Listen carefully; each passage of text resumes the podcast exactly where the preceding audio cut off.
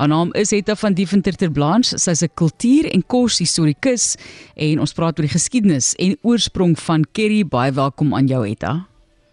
Dankie Martelies, is altyd lekker om met julle te gesels. Kyk, ek weet curry is nie altyd noodwendig veronderstel om vreeslik warm of branderig te wees nie, maar hoe geniet jy hom? Is jy een van daai mother-in-law curry eters of hou jy meer van die sagter, elegante geure van 'n curry? Nee, ek is definitief nie ek is baie uh, oortuigend nie 'n mother-in-law tipe curry nie, maar ek het met jare geleer om sterker curry te eet en meer um, rustige geure te eet, maar nee, ek ek is ek hou van 'n sagte geurende curry. Ek hou van kompleksiteit in 'n gereg. Ek moet sê, ek dink my pa het so 'n pot gehad mother-in-law curry. Ek gaan dit eendag tyd maak en Christa van Brits het ook 'n SMS gestuur. Sy sê sy het vandag uh vir hulle 'n heerlike pilchard snackwich gemaak. Ek het 'n uh, jafel Jaffel of Boepens broodjie voorgestel met pilchards. Ehm um, hulle het gemaak vir middagete. Ek is bly dit was lekker. Christa van Brits soos ek sê en ek het daarin curry en garam masala gesit saam met hierdie vis lekker. en 'n bietjie bladjang natuurlik om hom meer soos 'n bobotie geur te gee. Maar ons gesels met jou oor die geskiedenis van curry en weer eens, dit is so divers. Geen net vir ons 'n idee van die geskiedenis en waar dit vandaan kom duisende jare wat ons dek. Ja, en kyk ons in Suid-Afrika is mos nou gelukkig dat ons 'n curry koskultuur so uit verskeie oorde ge, jy weet geërf het. Ek het so geniet om laasweek na Karima te luister en haar ma se Noord-Indies geïnspireerde curries.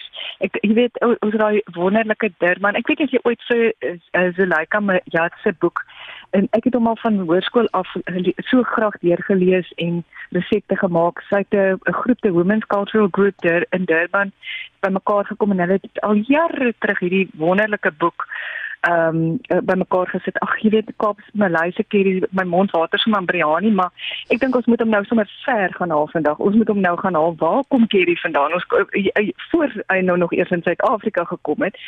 Ek sou sê curry se inspirasie kom uit die ooste en is nageboots in die weste en die geregte wat ons as jy nou vandag wat ons nou noem curry kos, ehm um, dat of wat ons nou oor die boeg van curry kos gooi kom sowel uit die ooste as die weste.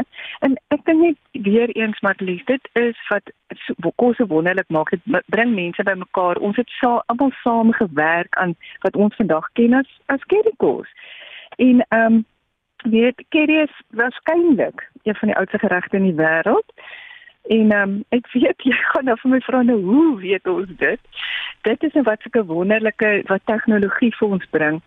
Argeoloë wat ehm um, 'n navorsing gedoen het oor die antieke beskawings in die Indus Vallei, het ehm um, hulle so tipiese resepte van plantmateriaal versamel op potskerwe of kantaanpaksels en dan het, kon hulle dit analiseer met 'n proses wat bekend is as die so styfelgraan analise toets en Daardeur kon hulle se ware vet vasstel dat daar prototipe curry geregte reeds met met bestanddele soos knoffelgemmer en body berei is. Sjoe. 4000 tot 4500 jaar gelede. Vaderland. So, dit is ja, dit is heeltemal moontlik dat curry geregte moes dan nou ook een van die oudste maaltye en wenn jy mense bestaan is so ek sê of wat dink jy?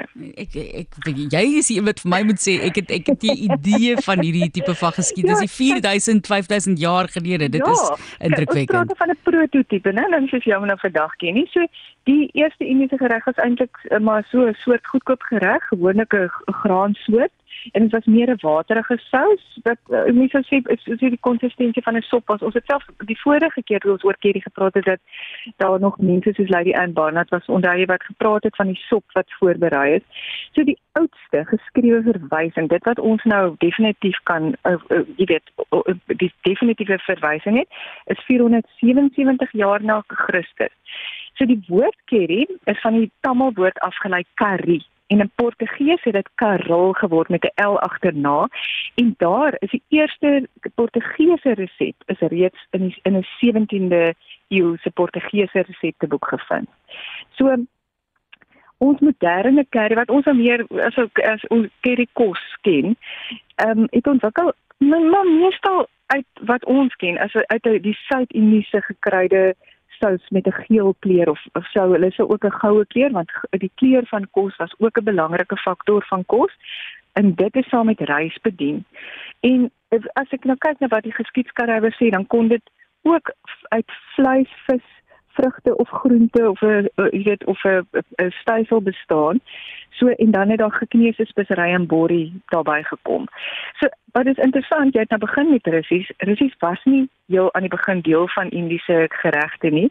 Dit het mos nou maar eers later met die ehm um, Portugese of via die Portugese daar gekom. So, maar die geskiedskrywer sê ook vir ons dat keidergeregte het nie net in die ooste bestaan nie, maar ook gedeeltelik uit middeleeuse Europese en Wes-Asiëse speserygeregte ontstaan. So, maar hierdie speserygeregte was nie noodwendig as currygeregte bekend nie. Hulle was wel ook geel van kleur soos die oosterse geregte, maar waar die oosterse geregte borrie bevat het, het was dit meestal gekeer met saffraan. In die eerste gedrukte Hollandse kookboek, ehm um, is daar 'n viskerry wat in daai viskerry bestaan uit kardemom, gemmer, nakie, saffraan, kaneel en galangaan of Chinese gemmer en martelies. Ek het al daai resep vir 'n winkel in 'n pakkie en spesery in 'n spesery mengsel gedoen. Ek het dit self al gemaak. Weet jy, dit is 'n heerlike, jy kan hom net so gebruik soos wat ou Thomas van der Noot wat hierdie Hollandse skookboek gedruk het in 1520 of min of meer 1520 ehm um, geskryf het. So daar kan ons nou ewe eeue nog dieselfde resep gebruik. Maar dit was eintlik die Engelse wat verantwoordelik was om curry aan die wêreld bekend te stel. Natuurlik was daar tydperk toe die Engelse nou 'n kontak gehad het tussen met Indië.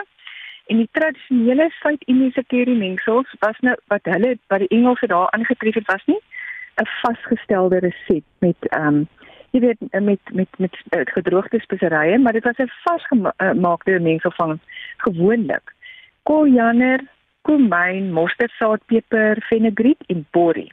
En dan is daar nog miskien 'n paar ander soos nakies, kardemom, kaneel, ander speserye daarbey. Maar in die wat nou so die curry mengsels wat nou so vars voorberei is deur die ehm um, die Indiese curry mengsels wat die Engelse natuurlik nou terugneem en ander mense nou weer gaan inspireer, inspireer of beïndruk en toe moet hulle 'n plan maak. En dit is toe die einde van die 18de eeu dat hulle begin om currypoeiers uh, of toe hulle begin voor dit al reeds begin om klaar voorbereide uh, speserymengsels in so 'n poeiervorm nou te ontwikkel. En toe teen die einde van die 18de eeu was currypoeier kommersieel vermeng algemeen al reeds jy weet 'n goeie 'n algemene handelskommoditeit. En so met die tyd is hierdie currypoeier dan ook op ouer geregte, jy weet die ouer potages of stoofsels het toegepas en dan toe nuwe geregte ook so ontwikkel. So dis so 'n hele 'n wêreldwye samewerking om tot te kom waar ons vandag is. Ons gaan nog saam spesery meng sodat mense by die huis weet presies hoe om dit saam te stel. Ek dink ons moet dit definitief so doen. Etta want jy weet daar jy het nou byvoorbeeld genoem fenugreek. Dit is een van die ja. een van die geure ek het dit ook maar onlangs eintlik ontdek in my eie mengsel van van kruie vir so tipe van gereg vir curry mengsel wat jy dink nie daaraan nie totdat jy vir die eerste keer daaraan byt en besef Jene maar dit is hoekom dit so autentiek altyd smaak en myne nie autentiek smaak nie. Dit is baie interessant dat dit deel is van die curry mengsels. Ja, en dit is Matelies, ek is um, bly jy sê dat jy e-, vir die eerste keer byt daar in 'n proe. Ek was self in die uh, Bangyan wanneer dit by spesery mengsels gekom het en um, dis hoe ek geleer het hoe om speserye bymekaar te sit. Jy vat elke individuele spesery en dan proe jy aan hom en dan kom jy agter maar hierdie een is bitter, daai een is soet. Ehm um, daai ene is 'n klein bietjie suurlemoenagtig en dan dan kom jy agter maar dis hoe ek hulle bymekaar gaan sit om 'n balans te vorm.